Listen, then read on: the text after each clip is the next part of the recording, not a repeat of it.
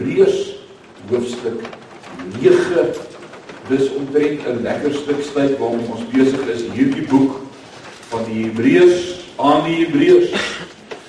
Uh belangrik om net gou weer te recap. Te kyk as ons hierdie boek weer besig is want jy moet dit nooit vergeet as jy die boek Hebreërs lees nie. Die boek Hebreërs is vir 'n spesifieke doel, vir 'n spesifieke gehoor geskryf.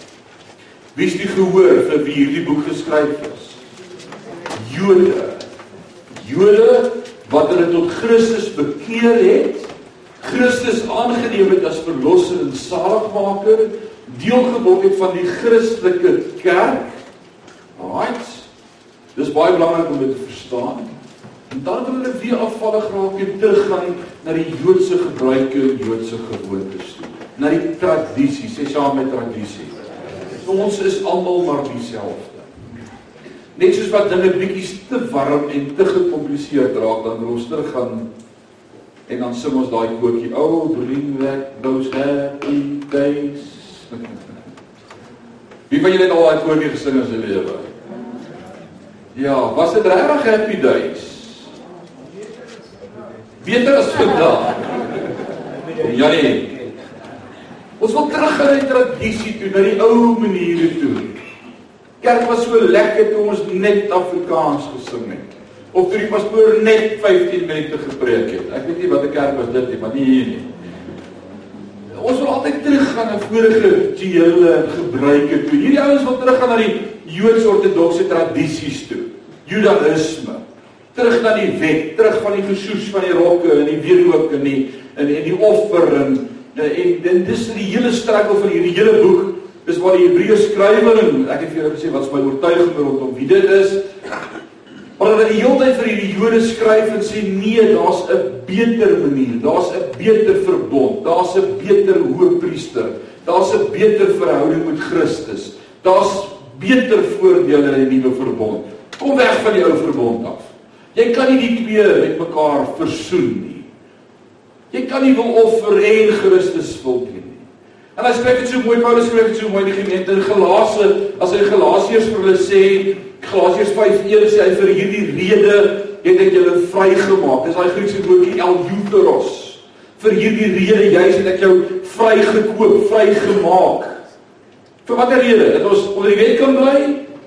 Nie dat jy 'n verhouding met Christus kan staan. Dit is so blaai terugblaai in Galasiërs 5 en Galasiërs 4 toe, dan praat hy van die die beter verbond en dan praat hy van hy sê as jy dan nog steeds die besnydenis aanhang vir redding, en dan sê hy 'n verskriklike ding. Hy sê is jy van Christus losgesny en Christus vir jou geen voordeel nie. Dit laat die mens dink. Dit laat die mens dink. Ja, ons het laasweek gesien in die eerste gedeelte in Hebreërs 9 En as hy praat oor die tabernakel spesifiek en dan ek weer vir ons die prentjie van die tabernakel sommer net 'n illustrasie en voorstelling van daai tent van samekoms van Moses in die woestyn want want dis die beeldspraak waarmee die Hebreërs skrywer hier besig is want hy gebruik die heeltyd simbole wat by die Jode bekend is. Want hy is juis besig om met hulle daaroor te praat. En vir hulle te sê daar's 'n beter manier. So laasweek het ons begin praat oor hierdie ou manier, die ou bedeling Dit was die voorloper van die tempel later, dieselfde model, dieselfde simboliek, dieselfde gebruike, dieselfde rituele. Reeds in die woestyn het God hierdie plan daar in Eksodus 25 aan sy volk bekend gemaak. Nou ek gaan dit vanaand iewers in die teks sê, maar ek wil dit nou reeds doen. Sê gou vir my wat was eerste gewees? Nee, jy weet nie wat ek vra nie, so hang vas. Jy antwoord maar, jy is baie stil. Wie gaan antwoord? Dat ek hoor. Wat was eerste? Geloof. Die 10 gebooie of die tabernakel?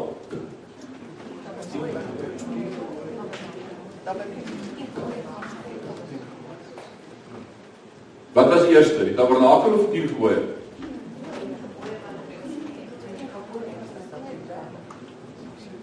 In watter hoofstuk van die boek Eksodus skryf ons die gee van die wet. 10. Toonveld. En in watter hoofstuk in Eksodus skryf ons die beskrywing van die tabernakel en die gee van tabernakel? 25. En waar in die tabernakelsisteme pas die 10 gebooie toe in? Was dit voor die voorportaal? Wat baie kerke en so wat daarvoor. Was dit dalk op die multimedia projektor gewees daar in die in die heiligste? Waar was die in die allerheiligste? Kon mense dit sien? Waar was dit in die allerheiligste gewees? Binne in die verbondsark was dit lekker oop gewees, 'n glastafel soos daar by die as jy daar by die Vatikaan kom in Rome, is dit so op display gewees. Toegemaak deur die versoendeksel, the ark toegemaak deur die mercy seat, sê die Engels so mooi. Weggesteek met twee engele wat dit bedek en oorskaap. So was die wet prominent in hierdie stelsel gewees van dit wat God gesê het hoe dit moet lyk. Nee, dit was weggesteek. En van die begin af struggle ons daarmee. Die wet is so prominent. Ons gaan vanaand lekker oor die wet praat. Ons het laasweek gesê vir hierdie vir hierdie uh priesters wat moes diens doen in die tabernakel was daar een van drie fases van betrokkenheid by hierdie diens gewees. En ons het dit vergelyk en ek dink dis die deel en en jy's die doel van van woordskool sonder is om te sê maar okay, wat is die application daarvan? Hoe apply ons dit? Wat leer ons vandag daaruit? En laasweek het ons mekaar gesê daar's drie maniere of drie verskillende posisies in my priesterskap. Is ek en jy ook priesters? Ja. Is ek alleen 'n priester? Oor party sê vir my priester. Ek is nie priester, hoor. Priester is nie om jou. Maar maar ons is priesters vir die koning. En wie sê vir ons ons is priesters vir die koning? Die woord leer ons dit. En wat sê ons is deur God geroep en almal is Die Engels sê dit so mooi, sê we are a chosen generation, a holy priesthood, a peculiar people set aside, eenkant geroep deur God En ek en jy elke dag as ons bid in ons binnekamer, in die kar waar ons raai, hier in die kerk, oral waar ons is, is ons besig om offers te bring aan God. Sê amen. Amen. Ek hoop jy het al vandag iets geoffer. Môre het Joshua dit so mooi gesê en al hoe sy naam onthou is ek moet elke keer dink aan na die reën, dan onthou ek daar ek Joshua. Alraai. Joshua het so mooi vanmôre gesê. Hy sê God vra altyd van ons of wol, maar soms ook vleis. Daar's 'n offer om te bid. Aanbidding, aanbidding is 'n offer. Aanbidding is 'n belangrike offer om met God te praat. Daar's 3 daar's 3 maniere. Die eerste een is ek kan hier by die voorhof wees. Net nie so. Ek is gered, ek het ingekom in die tabernakelsisteme. Ek weet my sonde is vergewe. Ek weet my naam is geskryf in die boek van die lewe. Ek is 'n kind van die Here en ek gaan hemel toe en ek sing dit sal my so lekker dit, dit laat my so lekker sing en ek is opgewonde oor kerk Maar dis waar dit is deel van die koninkryk. Maar dit stop daar. Ons almal was iewers daar. Dan groei ons verby. Die tweede ding is jy begin diens doen. Jy begin funksies verrig as priester. Ek raak betrokke by bedieninge. Ek skakel in met die vroue aksie of ek skakel in met die worship departement of ek skakel in by by die voorbidders wat vir ons intersessie doen Sondag voor die diens of deur die week op die gebedsgroep. Ek skakel in by 'n selgroep. Ek ek groei, ek raak meer deel van die stelsel as net om 'n lidmaat te wees. Maar ons het gesê wat is die ultimate? Dit was ek dink daai priester wat verkies is as hoofpriester die jaar wat een keer met Yom Kippur sou ingaan in die allerheiligste om in God se gemanifesteerde teenwoordigheid te wees. Ek dank die Here die voorhangsel het geskeur. Daar's al twee wat bly is daaroor. Ek dank die Here die voorhangsel het geskeur. Want God begeer 'n begeerte met elkeen van ons. En waar net die voorhang net net die, hoofpriester een keer jaar bevoorreg was om agter die gordyn in te gaan en God te beleef en te ervaar Daar nie ons kan dit beleef en ervaar net daar is binne kamer. Amen. Man, as jy net uh, uh, jy hoef nie ver te sê koning Jesus nie. Dan beleef jy die ervaring. Dan maar net die waar ek staan beleef en ervaring. Jy moet net sy naam noem en hy's daar.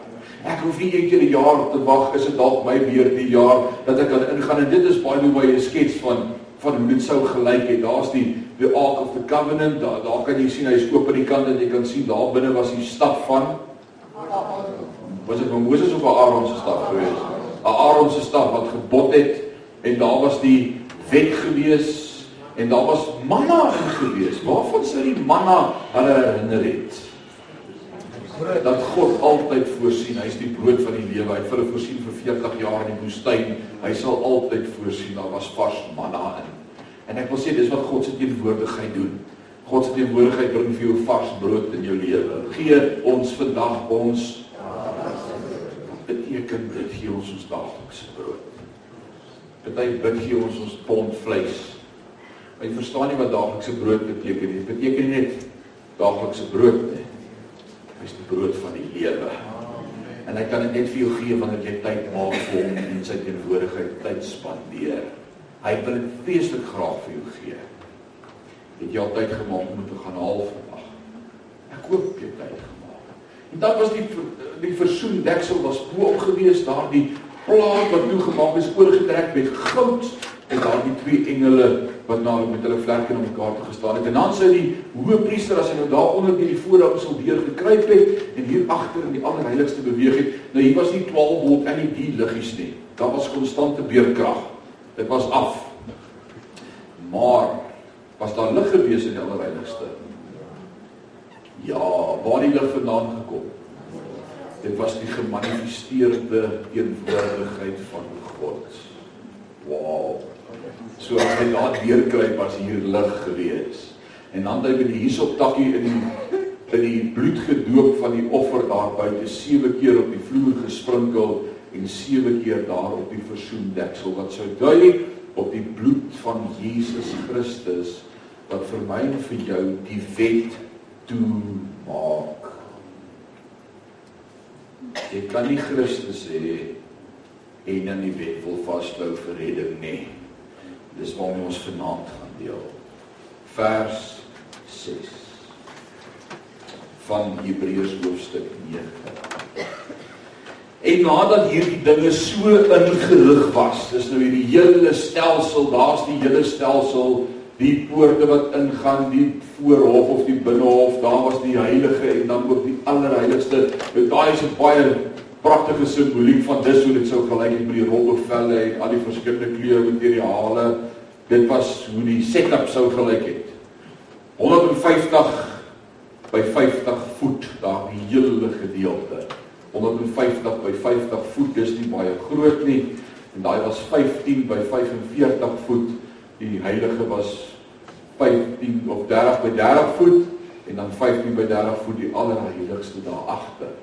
Hoor wat sê die skrywer in vers 6. Hy sê nadat hierdie dinge so gerig was, het die priesters wel gedurig in die eerste tabernakel ingegaan om die dienste te vervul. Wat is die dienste wat hulle moes vervul het? Hulle moes een keer 'n een keer 'n week vars brood bak. Hulle moes elke dag die lampitte sny, seker maak daar's genoeg olie, reukoffer op die reukoffer altaar, dat dit skoon is, vars water in die koper was kom, dat die altaar reg is, dat daar vuur is om die offers te brand. Hulle moes diens doen. So hierdie stelsel het verwag van die priesters om elke dag diens te doen. Vers 7 sê: "Maar in die tweede die hoofpriester alleen. Nou waar's die tweede? Hierdie is die eerste, hierdie voorste gedeelte. Daar's die tweede. Die allerheiligste. Hy sê maar in die tweede, die hoofpriester alleen eenmaal in die jaar, en nie sonder bloed nie, want hy offer vir homself en vir die sondes van die volk uit onwetendheid begaan. Nou hier's 'n baie belangrike punt ek het laasweek net aan geraak en ek wil vanaand weer vas. Die enigste sondes waarvoor die hoofpriester vir jou kon instaan was die sondes wat jy uit onwetendheid begaan het. As dit 'n aspruste sonde was, As jy vir jou boer vir jou buurvrou aanhou loer het en toe haar man nie by die huis is nie, nou keurig beplan het hoe laat jy aan haar deur gaan klop met 'n roos in jou mond. Nee. Baie. Nee, jy het beplan, nou keurig beplan hoe hierdie verhouding gaan ontwikkel. As Chris haar krag by die paal afgesit sodat jy dit vir kan kom aansit sodat sy jou nooi vir koffie. Dis beplan gewees. Dan in die woord in die Ou Testament duidelik gesê vir sulke sondes soos oorspel is daar 'n prys. Wat is die prys daarvoor, Leon? Jy betaal met jou lewe. Jy's of gestenig of geëkskommunikeer en weggejaag buite die laar en sou in die woestyn omkom. Jy was nie meer deel van die kerk of van die volk gewees nie. Jy's geban. So vir daardie sondes was daar nie een keer jare offer gewees nie. Dit verander die prentjie so effens van die idee wat ek en jy gehad het rondom die hoofpriester se offer. Slegs vir sondes wat onwetend. Ja, ek is so jammer ek het nie geweet dis verkeerd nie. Ek is ek is so jammer. Dis wat hierdie woord sê, onwetend begaan het. Ek gaan saam met Dawid. Dawid stap op die stad se muur. Hoekom dink jy hy op die muur gestap? Verveel. Dink wat sê wat ledigheid. Ledigheid is nie dat ons oorkussing het nou wat sê, né? Hy's verveeld. Al weet nie wat sy rede was nie, sy motief was nie. Of dalk het hy gehoor van die girl wat 5 uur in die aand lê. Wat? Net gesê nou ek wil die saak van myself gaan kyk. En so dit gegaan. En hy kry nie wat sy wou in nie. Wat? En hy vang staan en kyk en ek dink nie dit het die eerste dag dalk gebeur nie, dalk het hy die tweede dag weer gaan kyk of sy 5 uur. Wat? En so het dit ontwikkel en wat goed gebeur en sy het swanger geraak. Sy kon nie vir die koning nee sê nie. So Dit laat mense dit ook in 'n ander prentjie dink. Hy hom forceer. En so beplan hy ook fyn dat haar man doodgemaak word. Nou keurig steek hy alles mooi weg sit hom voor die linies. Gee vir die ander een die opdrag om te sê as jy hom trek, moenie vir hom sê jy hom trek nie, los hom alleen voor. Het geen ander hier kom in die huis sterwe. Maar God weet en Nathan kom by hom en sê jy is daardie man. Het Dawid geweet hy doen verkeerd? Was dit 'n was dit 'n onwetende sonde geweest? Nee. Hoor bid hy in Psalm 51 vers 18 en 19. Hy sê in vers 18 van Psalm 51: "Want U het geen lus in slagoffers nie. Anders sou ek dit gee." Vir 'n beplande sonde sê God, daar's die offers nie. Daar's nie offers om te bring nie, jy moet betaal met jou lewe. Anders sou dit gee in brandoffer het jy geen behaag nie. Of vers 19 sê die offers van God se gebroke gees, 'n gebroke en verslae hart sal u o God nie verag nie. Dawid kyk na die toekoms profeties en hy sien Christus wat sal kom en sal betaal aan die kruis. Eendag sal daar 'n lam wees Nou hoor wat sê vers 8 en hier kom ons dan by 'n pragtige deel. Die Heilige Gees. Hy sê vers 8 waarmee die Heilige Gees dit duidelik maak dat die weg na die heiligdom nog nie geopen is solank as die eerste tabernakel nog stand hou nie. Wat maak die Heilige Gees in my en jou hart duidelik vanaand? Dat solank as hierdie stelsel nog vir jou belangrik is solank as wat jy nog vasklou aan die ou stelsel aan die wet en aan die priester aan iemand wat namens jou moet offer aan iemand wat namens jou met God moet praat aan hierdie stelsel wat sê solank as wat jy hieraan vashou is die weg na die heiligdom nog nie vir jou geopen nie Dis 'n groot vers in die woord. Hoor jy wat dit sê? Jy verstaan jy ons? Weet jy baie mense se weg se weg na die heiligdom is nog nie geopen nie omdat hulle so vashou aan die stelsel en die wet en die tradisie en die gebruike en die oorlewings. Maar hoor wat sê vers 9. Dit was hierdie hele ding. Dit was 'n beeld, sê saam met my 'n beeld. Dit was 'n beeld met die oog op die teenwoordige tye waarin daar gawes en offers gebring word wat hom wat die diens verrig na die gewete nie volkome kan maak nie. Dit was net tydelik, dit was net 'n model gewees. Dit was net 'n prentjie gewees, maar hierdie prentjie sê die skrywer aan die Hebreërs vir hierdie kom Jode, julle prentjie het 'n probleem. En wat is die probleem van hierdie hele prentjie wat ons hier sien? Daar was 'n probleem gewees. En die probleem was dit. Dat dit net vir 'n jaar uitgestel het.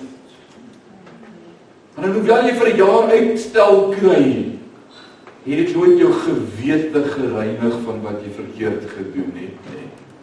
Jy het in jou hart geweet ek is sondaar. Wil jy? En dis die probleem met hierdie stelsel. Dis waaroor hy hier skryf. Hy sê omdat vers 10 Dit het bestaan het in spys en drank en verskillende wassinge en vleeslike verordeninge wat opgelê is tot op die tyd van herstelling. Nou wanneer was die tyd van herstelling? Wie kan my sê wanneer dit gebeur het? Waarop dui die tyd van herstelling? Jesus Christus se kruisiging en sy opstanding. Hy het ons verhouding met God kom herstel sê saam my herstel. Ah, oh, dit wat Adam en Eva prys gegee het in die tuin, God het dit kom herstel. Jy staan in 'n ander verhouding met God as in die Ou Testament. Jou verhouding met God is herstel. En ek gaan vanaand vir jou wys dat ons nog steeds na mekaar kyk deur die bril van 'n gebroke stelsel en nog steeds in mekaar die foute raak sien van die gebroke stelsel. En ons vergeet ons is in 'n nuwe stelsel en die verhouding is herstel. Hoor wat sê vers 11. O, hy begin met 'n mooi woord. Ek like altyd hierdie woorde in 'n teks. Wat sê vers 11? Maar. So as jy hierdie ou bedeling het issues gehad. Daar was issues met die ou stelsel, met die prentjie, met die stelsel Hy kon nie jou gewete gereinig het. En dan los hy dit nie daar vir hulle in die donker nie. Hy sê maar, maar wat? Maar Christus. O, dis awesome. Maar Christus. En ek wil dit vir jou sê vanaand in jou situasie. Jy kan glo wat jy wil. Die dokter kan vir jou sê wat hy wil. Die media kan vir jou sê wat hulle wil. Die ekonome kan vir jou profeteer wat hulle wil maar God, maar Christus. Hoor wat sê hy? Maar Christus wat opgetree het as hoëpriester van die toekomstige gewelddade het hier die groote en voormaakte tabernakel wat nie met hande gemaak is nie dit wil sê wat nie aan hierdie skepping behoort nie ook nie met die bloed van bokke en kalwers nie maar met sy eie bloed eenmaal ingegaan in die heiligdom en 'n ewige verlossing teweeggebring. Halleluja. Adi, dis goeie nuus is dit nie? Oh, loof die Here daarvoor. Hy sê daar daar's iets anders in hierdie stelsel wat jy moet verstaan. Elke jaar moes die hoofpriester 'n bokslag, 'n duif vat 'n bees op die altaar sit, gaan offer, uitstel kry vir 1 jaar, maar die issue was dit nooit jou gewete skoon gemaak nie. Dit jou gebly ry wat jy gedoen het. Kom ek vertel vir julle daar hoekom hierdie nuwe stelsel nog beter is. Hy hoef dit nie aan te hou nie, hy het net jy. Hy het nie bloed van bokke en van stiere gebruik nie, maar sy eie bloed. En hierdie offer wat hy betaal het, reinig jou nie net van sonde en ongereinighede nie, maar van alles. Selfs van jou gewete. Selfs van hierdie aanklaer wat jou dag en nag aankla, waarvan Openbaring 12 ons vertel. Dis 'n beter opset. Nou praat die skrywer van die offerstelsel en hoe die stelsel onvolmaak was en onvolledig was en hy sê in vers 13 want as die bloed van stiere en bokke en die as van die vers wat die front vir on reinig dis besprinkel heilig maak tot reiniging van die vlees hoeveel te meer sal die bloed van Christus wat homself deur die ewige gees aan God sonder smet geoffer het die hele gewete reinig van dooie werke om die lewende God te dien. O, ek glo vir julle vir hierdie pragtige gedeelte. So hier bring hy die kontras nou. Hy praat van die ou bedeling en die offer daarvan stiere en bokke en die as van 'n vers wat die verontreinigdes besprinkel het. Nou as die skrywer sê hier as die bloed van 'n bul en bokke jou kan heilig vir reiniging van jou vlees. Dis waarop dit gedui het. En dit was ook seremonieele reinigingsprosedures gewees waar ek byvoorbeeld gesê het en een van die goed wat ons in die Bybel lees is as hulle die as van 'n vers vat die as van 'n vers wat op die altaar was en verbrand is. En jy sou daardie as met water meng. En jy sou as as, as jy aan 'n lijk gevat het, dan was jy onheilig. Jy mag nie aan 'n lijk gevat het nie. So as jy aan 'n lijk sou raak en jy is ontheilig. Alraight? Dit is sonde. Want God wil hê ons moet heilig wees. Dat jy gedenk met die dode, jy is onheilig, nou kom jy by die hoofpriester en hy of die priester en hy sê maar daar's 'n resep in die Bybel vir so 'n ding. Ons gaan die as van 'n vers vat, dit met water meng, dan gaan ons met die hierop takkie gaan ons jou bespat en dan behoort jy vanaand weer alraai te wees. Dan gaan die onheiligheid van jou wegvat. Alles uiterlike rituele, seremonieele wette. Nou sê hy as die Ou Testament vir ons leer van die bloed van stiere en bokke en van die as van 'n vers wat alles gedui het om die vlees te heilig. Net buite. Maar hy kon nie die hart verander nie. Hy kon nie iets doen aan my gewete nie. Hy kon nie my verlede wegvat asof dit nooit daar was nie. Daar was nog nie justification nie. Ronnie, what's the definition of justification? Just as if I have never sinned, not justified. Beautiful. Dit kon nie wees nie. I have sinned. I'm aware of my sin. I'm carrying my burden. I'm remembering it every day. God is just excusing me for another year. But it's a load, it's a burden, it's heavy. Nou sê vers 14, hoeveel te meer? Sê saam met my, hoeveel te meer? Hoeveel te meer. Theo sê dit saam met my. Hoeveel te meer. Hoeveel te meer sal die bloed van Christus wat homself deur die ewige Gees aan God sonder smet geoffer het, julle gewete reinig. Sê saam met my gewete. Nie net die vlees nie, maar die hart. Hierdie hart van klip gaan hy hart van vlees vir my gee gaan my vergewe en vryspreek.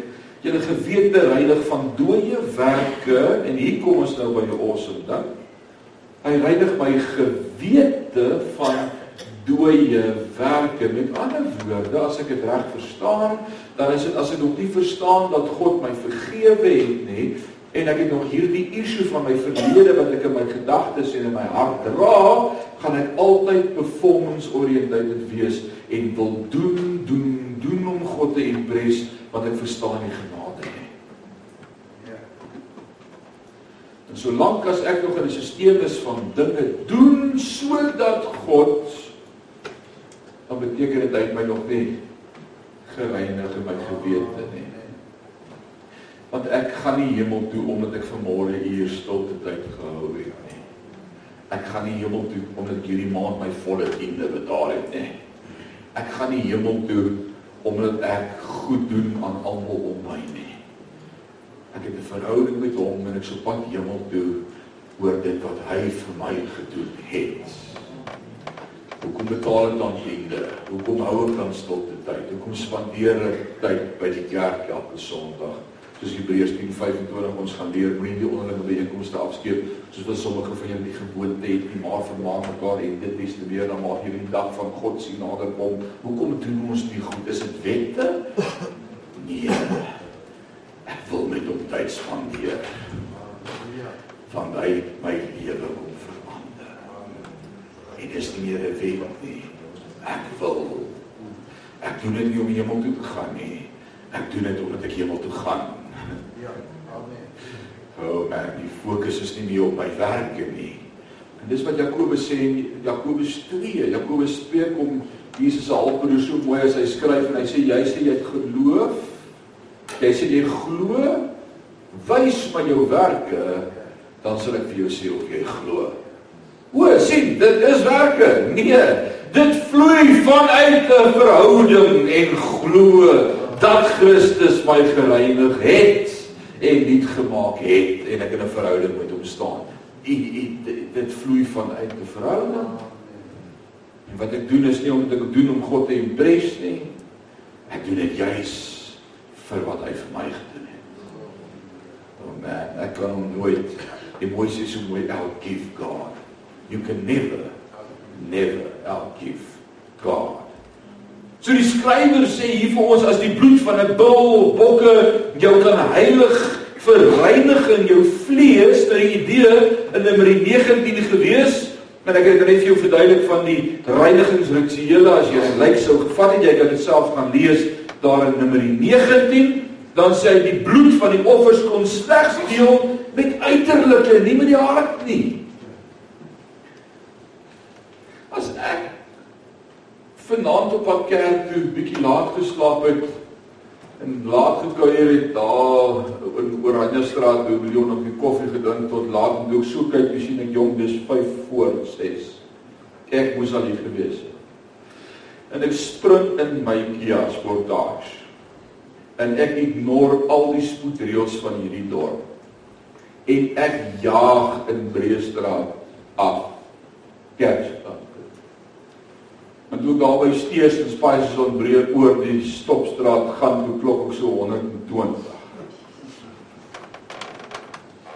En wragties daar is toe 'n speedkoop in Parys vandag. En hulle spring voor my in en trek my af. En sê vir my: "Wie's jy?" En ek sê: "Ek is Seef Daniels." Nee. Ek is Rinus van Zandwyk. Sy die werk nie wat hulle by my ID toesien. Toe glo hulle my. En hulle sê vir my, meneer, jy het heeltemal te vinnig gery. Ons moet jou vergesel na die polisiestasie. En jy gaan toesluit totdat jy môre in die hof kan verskyn. Jy weet dit is hoe dit werk, né? Moenie van terugry nie, dis tyd jou toe. En toe sê ek maar asseblief, ek is die pastoor, my hele gemeente wag vir my. Julle kan my nie nou toesluit nie. Dit sal môre op die Koran se voorblad wees. Kerk staan leeg, pastoor sit in tronk. Julle kan dit nie nou doen nie. Ek sal myself kom aanmeld na kerk. Vertrou my, ek bly al 13 jaar in die dorp. Julle ken my Sion gemeente op die hoek. Kom kerk toe as julle wil vanaand. Gee my so lank 'n kaartjie. Ek sal môre by die hof wees. Jy sê maar aangesien ons jou ken en weet van jou gehoor het van jou gaan ons vir jou kaartjie gee, R15000 boete, maar jy moet môre in die hof verskyn. En toe die kaartjie so ontvang, val hy my hande daar in die lys voor wil hê. In die water gaan so oor om en ek moet agter hom aanspring om die kaartjie te kry, maar hy is so half nat. En hier waar die R15000 bedrag staan, smars dit nou so 'n bietjie gelukkig. Nou sit ek hom in my sak en ek kom kerk toe vanaand, môre gaan ek by die hof wees. En as ek nou by die hof kom, dan vra die staatsanklaer vir my, "Hoekom is jy hier?" Ek sê, "Maar ek het die kaartjie gebring." En dan kyk sy na die kaart, die kristel, en dan sê sy vir my, "Jo, hoe hoeveel rand boete is dit?" Sê ek, "Nee, ek weet net nie." Kyk, kry geskryf het. Ek sê, "Ons nou nie dit onthou wat die straf is." Soos jy hier wat, nou jy is baie gelukkig, maar ek gaan die ding opskeer. Ek gaan hom opskeer. Dis scenario 1. Maar my hart weet ek, my gewete ry vir my toe daar ry by Kristal, toe weet ek jy is so skuldig. Jy het gelieg op my. Jy is skuldig. Jy sien dit kan nie my gewete reinig die feit dat ek of die hoek is nie. Ek weet ek gedoen het. Scenario 2. Hy het nie net voorgeval nie, daar staan 50000 rand en ek gee dit vir haar en sy sê vir my jy sal dit opdop en betaal. En ek sê vir my ek weet dit nie, daar's nie manier nie. En net met die kom my vriend daar aan gestap, Ronnie. Hy het gehoor ek is in die hof vanmôre. En Ronnie kom nou en hy het net 'n groot bonus gekry met dolke. En toe ek sê maar ek het dit nie om te betaal. Ek sê Ronnie Pastor, you bless me so much in my life, I will pay for you. En ek sê my broer, my broer. En Ronnie betaal vir my die 15000 rand. As ek daar uitstap, het ek geen gewete meer rondom wat gebeur het nie because it's paid in full. En dis die verskil tussen die ou bedeling en die nuwe bedeling. In die ou bedeling het dit net dit gecover. It was just a covering for another year. Want jy het geweet jy is skuldig. En nou kom die nuwe bedeling, dis wat hy hier sê, hoeveel te meer dan Christus wat jy net kom toemaak justification just as if I have never sinned dis weg sê saam met my dis weg loof die Here alraai nou kom my gewete my nie meer nie want dit is juist die idee hier net die bloed van Jesus kan my gewete ook reinig En dit was juist waarvoor Jesus moes kom. Jesus het nie net my vergewe nie, maar ook my gewete kom reinig, my hart kom skoon maak. Amen. Wat sê die woord in Openbaring 12 van die vyand? Wat doen die aanklaer? Revelation 12, hy sê die aanklaer wat ons dag en nag aankla voor die Vader, die vyand eie gewete aan. Wat hy kla my aan Kla jou aan in die nag as jy wakker lê, dan kla jou aan. Hy onthou wat jy verkeerd gedoen het. Nou hoe sê die woord in Openbaring 12 hoe sy oorwin? Hy is oorwin deur die woord van ons getuienis en deur die bloed van die lam. Jy sien dis wat die bloed van die lam doen. Hy reinig my en hy sny af wat verby is. Dis verby, dis weg, dis onder die bloed. En as die duiwel jou wie wie was dit Kamen gewees wat gesê het as die duiwel jou herinner aan jou verlede dan herinner jy hom aan sy toekoms. Ja, ek dink dit was Kamen gewees. Die duiwel wil kom en sê kan jy onthou jy 12 jaar oud was, jy so ek kwaad aangevang het. Sê ek kan niks onthou nie, maar weet waar jy net sê op wat. Ek is vergewe. Dis onder die bloed. En dis bloed van Christus. Sê saam met my amen. Amen. Ek is so bewus bewus van my eie tekortkominge, maar die bloed van die lam. Een Johannes sê dit so mooi, Johannes skryf en hy sê die bloed van Christus reinig ons. Die woord vandag so dit is die woord voortdurend. Voortdurend van alle sonde en ongeregtigheid. Dis 'n voortdurende proses in my lewe. Aanhoudend. Aanhoudend. Dis beautiful. Net die bloed van Jesus Christus kan jou skoon was of was jou sonde soos skarlaken dit sal wit word soos sneeu. Wer dan die sneeu? Wer dan die sneeu?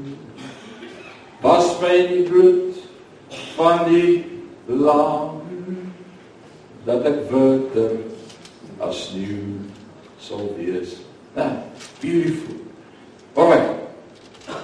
Nou onthou gou saam by wanneer die Joodse persoon na die tempel sou wil gaan om te aanbid. Miskien het hy 'n emosionele krisis in sy lewe. Miskien is hy in 'n ongelukkige huwelik. Miskien gee sy kinders hom moeilikheid. Miskien is die buurman se musiek in die aande te laat speel nog steeds. Miskien het hy stryd. Hy hy wil by die Here uitkom. Hy wil vrede beleef. Dit wat ek en jy elkeen van ons elke dag nodig het in ons lewe. Hy wil net met God connect. Onkoos. En as 'n Jood. En wat is die manier vir 'n Jood om met God te connect? Ek moet gaan offer. So kry my bokkies bymekaar en kyk vir die mooiste bok teen ek soek hom uit en ek stap tempel toe. Ek het nodig om met God te connect. En dan kom hy by die tempel en hy sê vir die priester, priester, priest, hy vang sy priest. Ek wil kom offer. Ek word net geslag met God connect. En dan sê die priester, "Nou bring daai bok nader laat ons na hom kyk." Daai bok beter volmaak wees. Nie skiel wees nie. Hy het nie 'n vlek op hom hê nie. Daar moes nie 'n been van sy lyf gebreek gewees het nie. Daar was spesifikasies gewees, reëls vir hoe daardie bokkie moet lyk of daardie lammetjie. Waar in die Ou Testament lees ek dat die een wat die bok gebring het ondersoek is en gekyk het hoe hy lyk voordat hy mag offer. As jy dink oor wat ek nou gesê het, het nie vanaand se preek. Niks. Die eers in die ou bedeling het dit ooit gegaan oor jou nie. Maar oor die lam. Van die begin van die prentjie af was die prentjie gewees die lam moet volmaak wees. Ou wil jy Die priester het my en jou nie ondersoek nie. Hy sê, as jy 'n goeie mens is, jy sonde in jou lewe, wat jy gedoen verkeerd, jy het gesê bring nie.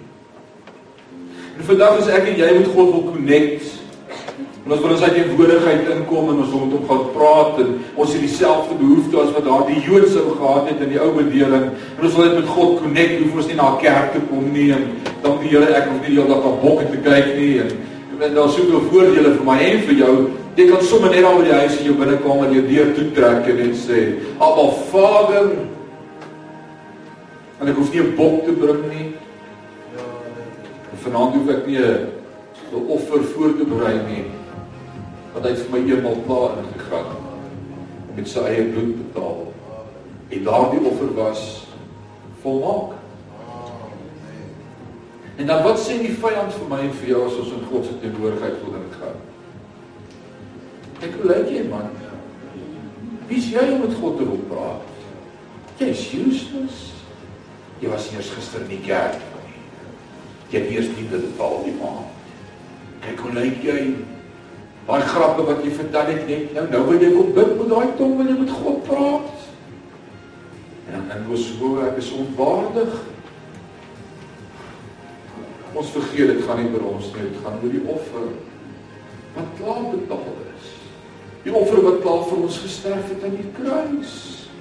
En elke keer as die vyand vir my met jou kom praat dan glo ons hom. Dit was eers in die Ou Testament so gewees.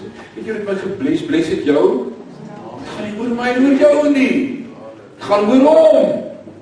So ek is so bewus van my tekortkominge en ek wil sê maar die bloed van die lam. Inspeksie was nooit met die persoon gedoen nie, maar altyd op die lam. En daarom as ek voor die troon kom staan om te aanbid, die Vader kyk na my. Hoe sien hy my? Hierdie bloed van sy lam. En ons het laas daaroor gepraat as ek praat van ek het 'n ek het voorspraak met die Vader Jesus doen vir ons voorspraak met die Vader en hy doen vir ons intersessie by die Vader. Maar die woord leer vir my hy sit aan die regterkant van God die Vader. Hy loop nie op en af en bid en sê o, Here, nou wil ek vir Rinus asseblief, hy bedoel dit nie, help hom net nie, Here, hy sal jou reg kom. Sorry, kyk net weg. Nee. Sy wonde in sy hande en sy voete, sy sy doen vir my heeltyd voorspraak by die Vader. En Jesus hoef niks te sê of by te voeg nie. Hy het laaste gesê net 'n les daai, wat beteken? Stop. It's done. Dit seld. Slag gedoen. Dit het nou wat 3 dae voor die kruisiging met Jesus begin gebeur het. Toe hy al deur wetgeleerdes en deur die Grieke en deur almal ondervra is, hy was scrutinized. Hy hy's ondervra aan die kant toe en daai kant toe en, en toe hy gestuur van bakboord na stuurboord en toe hy by die hoofpriester en hy's by Pontius Pilatus en wat sê Pontius Pilatus? Hy sê hierdie man vind ek geen 3 dae voor Paasfees moes jy jou lammetjie bring na die hoofpriester dat hy hom ondersoek om te kyk of hy geslag mag word op Paasfees. Hulle het hom inspekteer. Dan het hulle hom gecheck en gesê hy's reg.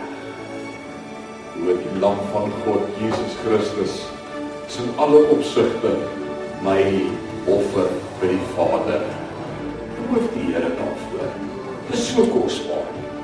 Dit beteken ek en jy het 'n skoon gewete en daarom vers 15 en daarom is hy middelaar van die Nuwe Testament. Wat is die Nuwe Testament? Jeremia 31, ons het laasweek daaroor gepraat sodat terwyl daar 'n dood plaasgevind het vir die verlossing van die oortredinge onder die Eerste Testament die wat geroep is die belofte van die ewige erfenis kon kry. Beautiful. En dit was vanaand 'n probleem. Die probleem is vir ons om te kan erf in 'n testament wat moet gebeur vir iemand om eers te kan om te kan erf? Iemand moet eers sterwe. Doelik as iemand sterf dan erf hy. Het dan jy al geërf en dan het verloor. Het jy al geërf? En wanneer het jy geërf? Nadat 'n persoon gesterf het. Reg. Nou, nou hier's 'n probleem. Dit laat my dink aan die storie. Ek ek het so ruk terug van hierdie storie gehoor. Ek wil dit met jou share vanaand. Dit is vir my dit is vir my regtig dit is hoe vertel ek dit? Gaan dit vir jou beskryf. 'n man met die naam van André François Refrey. Hy was 47 jaar oud. In Frankryk, Parys. Toe klop hy aan 'n tante se deur en haar naam was gewees Jeannie Covermont. En hy klop aan haar deur en sê hierdie woonstel van jou sal ek verskriklik graag wil bekom en wil koop. Jeannie sê vir André, weet jy wat? Ek kan hom kry Ek bemaak hom aan jou in my testament. Maar gee my so lank 500 pond 'n maand. Ek is 90 jaar oud. Ek gaan sekerlik nie meer lank lewe nie. Maar as ek sterf kry jy die woonstel. Dan hoef jy my met 'n koop vir hele bedrag nie en ek gaan jou op straat sit nie en ek het nie jou lus betrek nie. Gee my 500 pond 'n maand en dan as ek sterf, skryf dit in my testament, die woonstel is joune. Hy sê maar klink vir my daar plaas. Ek is 47, kan nog steeds in my huis bly of hier. Ek gee jou 500 pond en die dag as van die dood gaan erf. Hy het sekerlik gereeld gebel om te hoor hoe gaan dit met hom. Hoe voel dit vandag? Braai. Hy is so baie jare terug op die ouderdom van 77 jaar oorlede. En op daai selfde jaar wat hy oorlede is, is in die koerant in Frankryk die volgende artikel geskryf oor Jeannie Covermine wat sê sy is die oudste lewende persoon op 120 jaar. Nadat Andrei 184 000 pond betaal het aan haar en die kontrak wat opgetrek is tussen hulle bepaal dat as hy iets sou oorkom, sy vrou sou aanhou om die 500 pond te maand te betaal sodat hulle die huis kan erf en as sy iets oorkom, sal sy kinders dit betaal. Pluk, laat my net erf.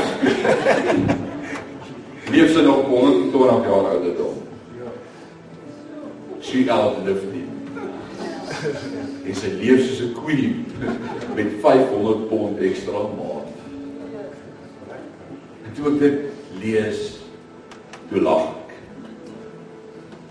dit dit dis dis dis dis verkeerde een. Moenie so besig wees.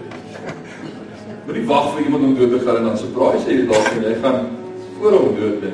Nou, as jy niks. Maar hy het nie geërf nie. Maar sien die probleem wat ek en jy het vanaand as ons kyk na vers 16 en 17, ek dink ons gaan hier stop vir vanaand. Dis 7 uur. Vers 16 sê want waar 'n testament is, moet noodsaaklik die dood van die testamenteer of testamentmaker aangekondig word. Hy moet aangekondig word hy is dood. Want 'n testament is geldig by sterfgevalle. Aangesien dit nooit van krag is solank as die testamentmaker nog lewe nie. So dink saam by ons het net gesê om te kan erf moet die testamentmaker eers sterf. Nou laat my dink. Aan al die probleme waarmee ek al in die verhalingskantoor te doen gekry het rondom erfposies en testamente. En ek dink as ek vanaand 'n mikrofoon sou omstuur vir elkeen, dan gaan elkeen van julle 'n stuiver of 'n sixpence iets gaan jy jy gaan iets te sê daaroor. Oor erfposies en testamente. En hoe mense te nagekom is en hoe dit families probeer en hoe daar twis ontstaan tussen siblings, tussen broers en susters. Nou dink ek vanmiddag daaroor. Sê nou dat oor 100 jaar my ma en pa die tydelike met die ewige verwissel. En ek en my broer en suster nog lewe. Ek lag nou nie dat ons het 'n moedersdag by my ma geëet en dan sal sy altyd so skerts en sê ons is lekker besig om julle erfgeld te spend. Jy het al gehoor. Lekker om sê spend dit alles, spend dit alles. Geniet dit. Soveel te erf net. Maar hierdie se kamerstel. Maar die maar hierdie stel, maar hierdie bed. Ja, ons het maar so iets wat ons maar hierdie. Nou sê oor 100 jaar as my ma en pa nie meer hier nie. Op die ouderdom van 167 my pa gaan en ons word by mekaar geroep. Daar was twee belangrike persone in 'n testament betrokke. Die een is die testamentmaker. My vrou het vanmiddag van die mooi woord gesê, die testateur. My prokureur het my gekorrigeer vanmiddag. Die testateur. Die testateur is die een wat die testament opstel. Dis hy wat moet sterf. As hy sterf gebeur daar iets, maar dan is daar nog 'n persoon betrokke wat moet kyk dat hierdie goed gebeur soos wat dit moet gebeur en hom noem ons die eksekuteur. Die eksekuteur sorg dat die testament korrek vertolk word en afdwing dat dit wat daar staan moet happen. Dis wet. Nou kom ek en my broer en my suster die dag by die eksekuteur vir die lees van die testament en my ma sê in haar testament aan my seun hy erf al die meubels. En nou kyk ek en my broer vir mekaar met ons is toe. En nou vra ons maar wie is die seun? Ek sê dis ek, ek was eerste daar. Hy sê jy was nooit daar kind nie, jy's 'n stiefkind, ek is die seun. Ek sê maar ek laat nie so verwys praat nie, nou is dit kwaad so kwaad ons interpreteer dit verkeerd. Ons weet nie wat my ma bedoel het nie weer nie. Wou sy sê oudste? Wou sy sê jongste? Wou sy sê kleinste? Wou sy sê geliefde? Wou sy het hier staan dit aan my seun. Hoe interpreteer ons dit? Maar staan oor die balkon van die hemel en kyk en sy sê, ek wens ek kan julle kom reghelp. Maar ek kan nie want ek is nou hier bo. Maar nou is hierdie effense probleem. Weet jy wat is so awesome van ons testament? Dat ons testateur en die eksekuteur albei Jesus Christus is. Amen. Hy het vir my gesterf dat ek kan erf. Maar hy het ook opgestaan sodat ek dit nie verkeerd verstaan nie. Maar hy help my om dit reg te verstaan. Alleen alles 'n blessing. Ek was vanmôre so gebless toe ek dit raak sien dat net begin kerk in my studeerkamer. Sê Here, dis 'n blessing. Hy het net vir ons ons testament bewerk nie. Maar hy leer vir ons wat dit beteken. Hy leer vir ons wat beteken sy genade en verlossing. Sy Heilige Gees praat met ons in ons harte en hy sê: "Nee, wil jy nou verstaan jy verkeerd. Dis wat dit Al wat ek en jy vanaand kan doen is om te sê, "O, oh, awesome."